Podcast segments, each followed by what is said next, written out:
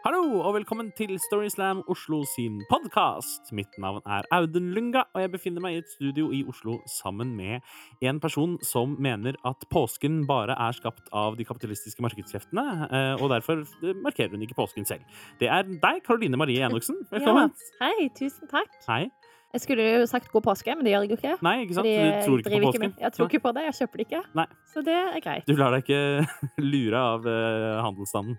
Nei. Nei. Vi skal høre noen fortellinger i Ja. denne podkasten, og de ble alle fortalt på Kulturhuset i Oslo. Ja, og den første fortelleren vi skal høre i denne episoden, det er Stina Haugen.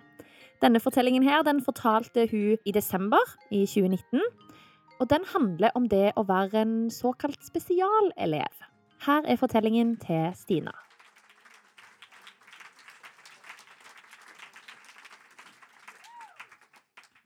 Jeg gleda meg sjukt til å starte på skolen.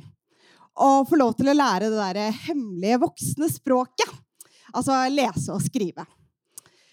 Det var mamma som hjalp meg med leksene på barneskolen. Eh, og det var kanskje litt dumt, fordi mamma var svensk. Så det ble på en måte litt sånn vranglæring, da. Det var litt sånn Jo, Stina. Vil det staves med to l. Så jeg skrev 'jeg vil' med to l-er. Men det var på en måte ikke bare det. Eh, leksene gikk også utrolig treigt. Eh, og jeg syns på en måte det å lære å lese og skrive, det var på en måte litt sånn ulogisk, da. Jeg skjønte det ikke helt. Så jeg satt med lekser fra jeg kom hjem, til leggetid hver eneste dag. Og dagen etter, når jeg fikk tilbake leksene fra læreren, så var det fullt av røde streker. Og de røde strekene, de fortalte meg at jeg var udugelig på det voksne språket. Da jeg kommer opp i sjette klasse, så tror jeg liksom både jeg og mamma eh, vi skjønner at det er noe galt. da. Det er et eller annet som skurrer. Eh, Så mamma tar telefonen og ringer læreren eller skolen og er litt sånn Ja, hallo, er det skolen? Ja, bra. Ah, nå er det så her at tjejen sitter med skole hele dagen. Skal det gå så her trøgt? Nei? Nei, men da får ni teste henne. Så neste dag så får jeg en lesetest, og skolen finner ut at jeg i sjette klasse leser som en andreklassing. Ja. Alarmklokka på lærerværelset ringte, og jeg fikk tittelen spesialelev. Jeg ble, kom i gjeng med Asperger-Daniel, ADHD-Mats og Bosnia-Igor, som akkurat hadde kommet til Norge. Og vi ble ofte tatt ut av klasserommet, over gangen, inn i et spesialrom, hvor vi fikk spesialundervisning av en spesiallærer. Og sammen ble vi en liten spesialgjeng. Og vi ble alltid tatt ut av engelsktimen. da. Eh, Så hvis de andre satt og lærte engelsk, så satt vi og fargela konsonanter. Jeg likte på en måte ikke den spesialgjengen. Eh, Jeg hadde jo veldig lyst til å være som de andre. Være i gjeng med Åshild og Julia. De vanlige. Og jeg syntes det var flaut da, å ikke kunne lese og skrive ordentlig. Men heldigvis, da. Jeg har ressurssterke foreldre. Eh, Så mamma og pappa var gira på å bruke tid og penger på spesialbarnet sitt. Så de kommer over en litt sånn alternativ behandling for meg som heter tomatis. Jeg vet ikke om dere har hørt om gregoriansk musikk? Eh, det hadde i hvert fall ikke jeg da jeg var elleve år. Men tre ganger i uka så ble jeg kjørt ut til Tomatis, hvor jeg blir plassert i et rom. Jeg får gigantiske øreklokker på meg, hvor jeg sitter og hører på gregoriansk musikk i to timer. Da jeg kommer opp på ungdomsskolen, så bestemmer skolen seg for å kjøre en liten ny taktikk. Jeg skal få undervisning i klasserommet, men de setter inn en ekstralærer. Så sirkulerer rundt min pult, diskré, men ikke diskré nok. Og nå skal jeg jo plutselig ha engelsk igjen. Det har jeg jo ikke hatt på en stund. Eh, og høytlesning, det var det skumleste jeg kunne bli utsatt for i engelsken. Og jeg husker en gang, gang spesielt godt. Vi skulle liksom lese etter rekkefølga vi satt i. Så da var det på en måte bare å begynne å telle. Hvor mange er det før min tur? Og så begynne å telle setninger. Hadde noen teknikker. Og da jeg ser min setning, så blir jeg faktisk litt glad. For denne kan jeg. Nå skal jeg skinne. Spesialeleven skal bort. Og når min tur kommer, så sier jeg med den mest selvsagte og selvsikre stemme My knee hurt. Alle ler, da. Til og med læreren ler. Og så stiller hun latteren, og så bøyer hun seg over pulten min og så sier hun sånn Det er en stum K, Stina. Jeg bare skjønner ikke vitsen med en stum K! Hvorfor finnes det stumme K-er? Oi, vi har ikke brukt K-en, vi bare putter den inn der. Det skjønner jeg fortsatt ikke. Da jeg kommer opp på videregående, så er det første som skjer, en sånn kartleggingstest for å se hvor vi ligger i nivå. Og da er jeg drittlei av å være spesialelev. Drittlei. Så da bestemmer jeg meg for at jeg jukser. Og det er dritlett. For vi skal lese så langt vi kommer på ti minutter. Jeg setter bare strek litt lenger ned enn der jeg kom. Og så når vi får spørsmål til teksten, så skriver jeg bare av naboen. Og det funker dødsbra. Ingen merker at jeg er en spesialelev. Jeg får verken ekstra lærer, ekstra tid på eksamen. Altså, jeg er akkurat som de andre. Det er bare ett problem, og det er jo at jeg fortsatt er en spesialelev.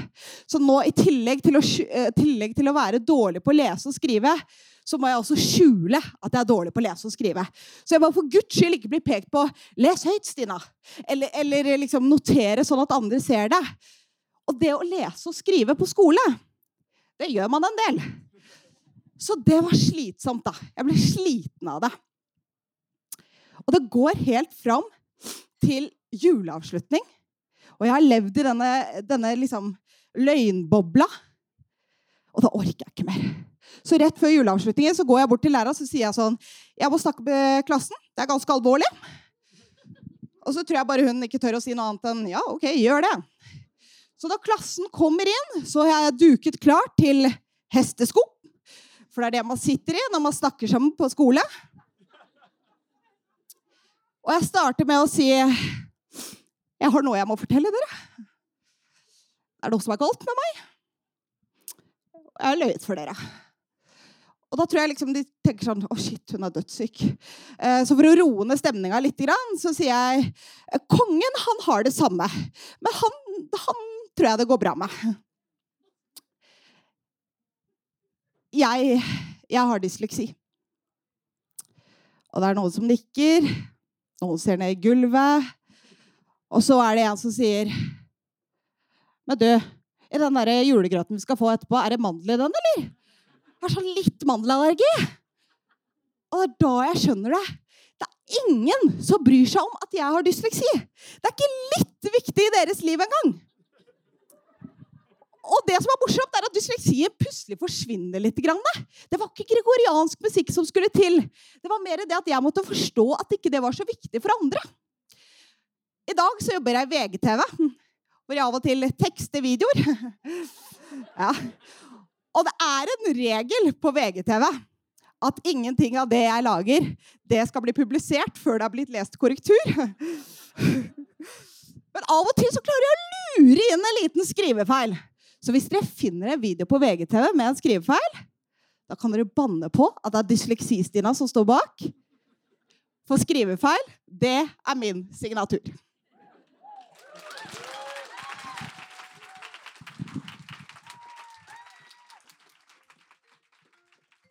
Tusen takk til Stina. Ja, Stinas eh, hemmelighet, som hun fortalte om, den er jo ganske uskyldig. Eh, Ja. Men det er jo ofte sånn da, at en løgn eller en uærlighet eh, ofte kan ha en tendens til å eskalere. Å ja, gud. Ja. Ja. De, altså, en løgn den kommer så lett ut av kontrollen. Og så baller det på seg. Mm. Sant? Det tror jeg mange har opplevd. Så du har én løgn, sant? og så for å dekke over den løgnen, så kommer du med en ny løgn. Og så må du ha en ny løgn for å dekke over den løgnen igjen. Ja. Sant? Og da har du det gående. Ja. Så er du fanga til slutt i et nett. Et selvspunnet nett av løgner og bedrag. Eh, jo, for så vidt sant. Og en, en, en person som har opplevd no, noe sånt nå, det er neste forteller, Ole Jørgen Nordstrand.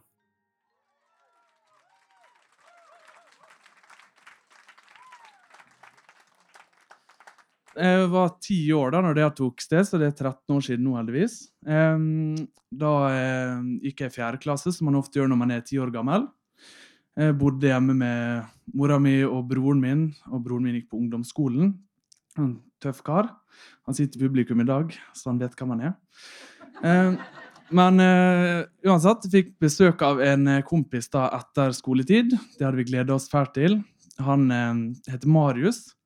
Så han var oss med da eh, hele dagen, eller i hvert fall frem til han skulle spise middag, og vi oppe på trampolina. Og eh, han dro hjem. Jeg var alene hjemme fordi mora og broren min hadde kjørt til Ikea. Han har da glemt igjen sin helt splitter nye Sony Eriksson K800i. Eh, han var også den eneste i klassen som hadde mobil, så jeg var jo forståelig nok også veldig misunnelig på denne mobiltelefonen. Det var sånn, var kamera bak, du måtte trekke fra en luke bakpå for liksom få tatt bilde. Det var egen kameraknapp, og den var knæsj oransje. Så jeg var sånn, ok. Så jeg falt meg plutselig inn at eh, ja, jeg skal vel få stjålet denne mobilen på sett og vis. Eh, så da Ja, hva må jeg gjøre da? Den må jo bli min, så jeg må i hvert fall slette alt som er på mobilen fra før. Så, så da begynner jeg, jeg begynner med bildene. da, så det tenker jeg, begynner med bildene, Får sånn klump i halsen, for jeg skjønner jo at det er jo ting Marius aldri får se igjen, antageligvis. Men det får bare gå. Nå skal jeg ha med mobil. Eh, Sony Eriksson K800i. Um, så jeg står der og sletter. Jeg har bestekompis eh, på den tida som heter Didrik. Eh, han kom altså når han ville, i tide og utide. Denne gangen dukka han opp veldig utide på eh, verandaen min. Ser da inn vinduet på eh, verandadøra. Blikkene våre møtes, og jeg får sånn veldig sånn skyldfølelse, for jeg skjønner jo at han vet at jeg ikke har mobil.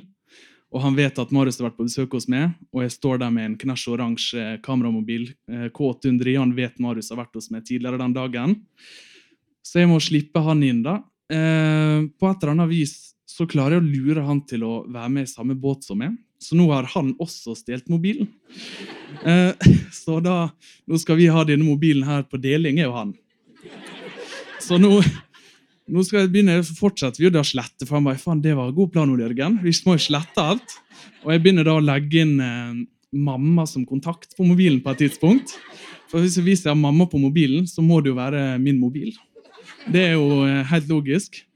Um, så kom vi summa oss frem bare ja, nå skal vi på skolen i morgen med en mobilpådeling. Ingen av oss har hatt mobil fra før. Marius mista sin hos meg dagen i forveien. Og vi kommer med akkurat samme mobil. Så det var jo dumt. Men nå har vi allerede rota oss inn i helvete, her, så nå er det liksom for sent å gi tilbake mobilen. Vi har sletta alt Marius har.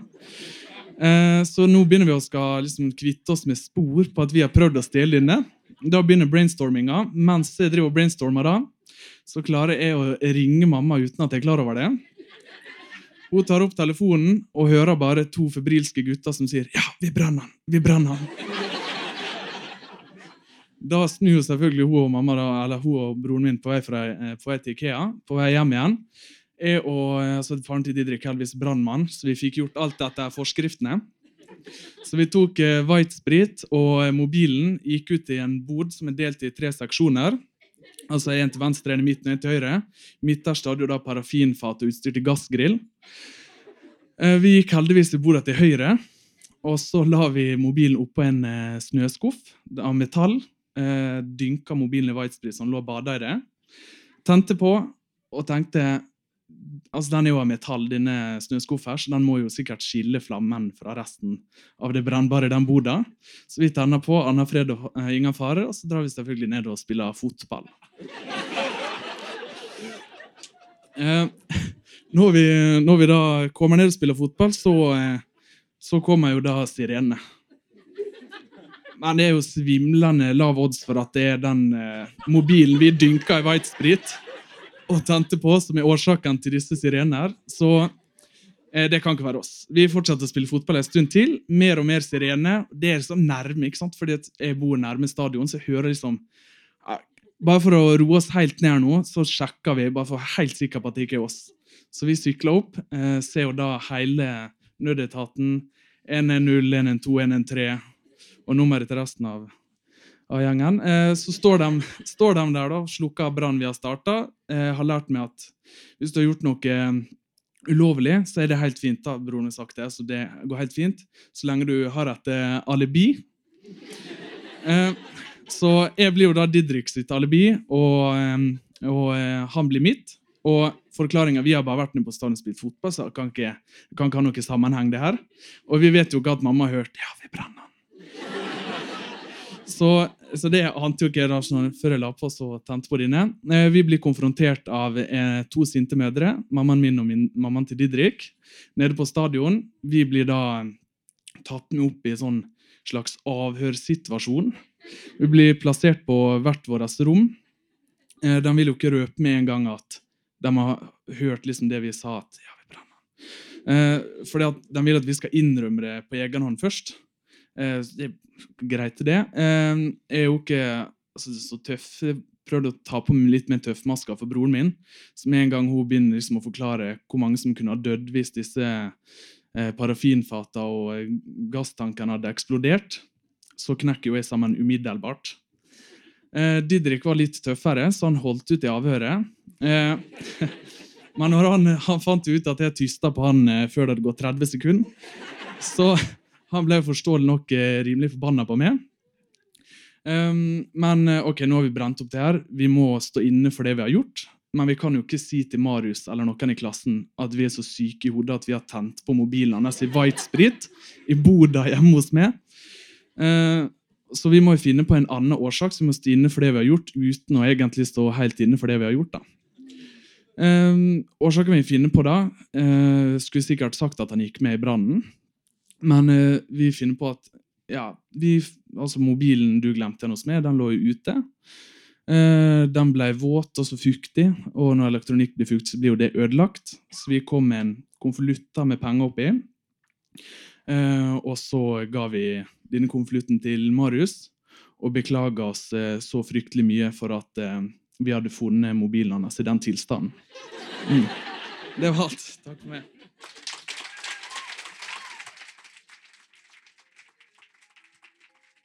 Tusen takk til Ole Jørgen, og en shout-out til min nabo, som gjerne ville høre den. Og nå husker jeg ikke helt hva hun heter, men shout-out til henne likevel. Ok, ja. En liten shout-out til Auduns anonyme nabo der, yes. altså. Ja. Fuck, det burde jeg kanskje ha sjekka først. Men OK. ja, okay. Greit.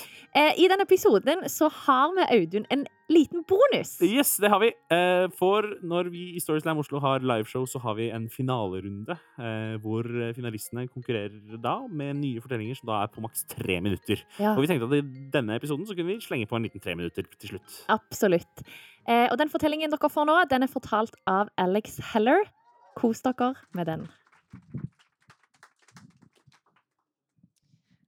I got a lot of Catholic relatives. Um, my family, we host Christmas every year. And all these relatives, they come, they stay at our house. So me and my three sisters, we all have to like give up our bedrooms to the old people. And, and that's just how it is every year. But, but one year when I was 21, I was like, Mom, I'm sleeping in my own bed this year. Like, can you please put Aunt Chris elsewhere? And she was down with it. She put my Aunt Chris on a downstairs couch, and I got to sleep in my own bed. It was amazing. So it's Christmas Eve night, and uh, you know, we've had dinner, I've had some wine, I'm a little drunk, I'm laying in my bed, I've won a huge battle here, and I can't, I can't really sleep. So so I decide to um, to do a little writing because I'm the worst person ever. So I take my computer down to the kitchen. I open up my laptop, turn on all the lights. I'm sitting at the table, and I'm like ready to write the next, you know, great American novel. Uh, and then, you know, and then I check in with myself, and I'm like, what do I really want to do right now? And I want to jack off. You know, that's what I want on this Christmas. It's my fucking house. I've claimed my bedroom. I'm about to claim the kitchen too. So I go to Pornhub, and what's on the front page? Log cabin. Yes, this is the kind of holiday content I am here for. So, you know, we got a logger. We have like a forest bride. I'm, I mean, my pants are down. The light is beating down on me, and I'm like going at it, and I'm like, cut that fucking wood, you know? And that's when I hear behind me, I hear, hello? what a question. Um, I slammed down my, well, I first whipped my hand, my wet hand out of my pants, slammed down my laptop, turn around. My old ass Aunt Chris is sitting upright on the couch, staring at me. Our couch is behind the kitchen, and I had fucking forgot this. And I'm just like, hey, uh, I was watching a video for, for class, and uh, it's violent, and I didn't like it. and she was just like, "Oh, well, I, I, I, I just woke up." I'm like, "Why are you lying to me?" Like, I know I can just imagine her laying there, thinking like, "Oh, should I say something? Should I let her come?" I don't know. So like, it's it's the next morning. It's Christmas morning. We're sitting at the breakfast table. Me and my aunt Chris are trying not to make it weird. And that's when my mom asks, Should we go to church? and for the first time in my life, I'm like, Yeah, we should. that's it.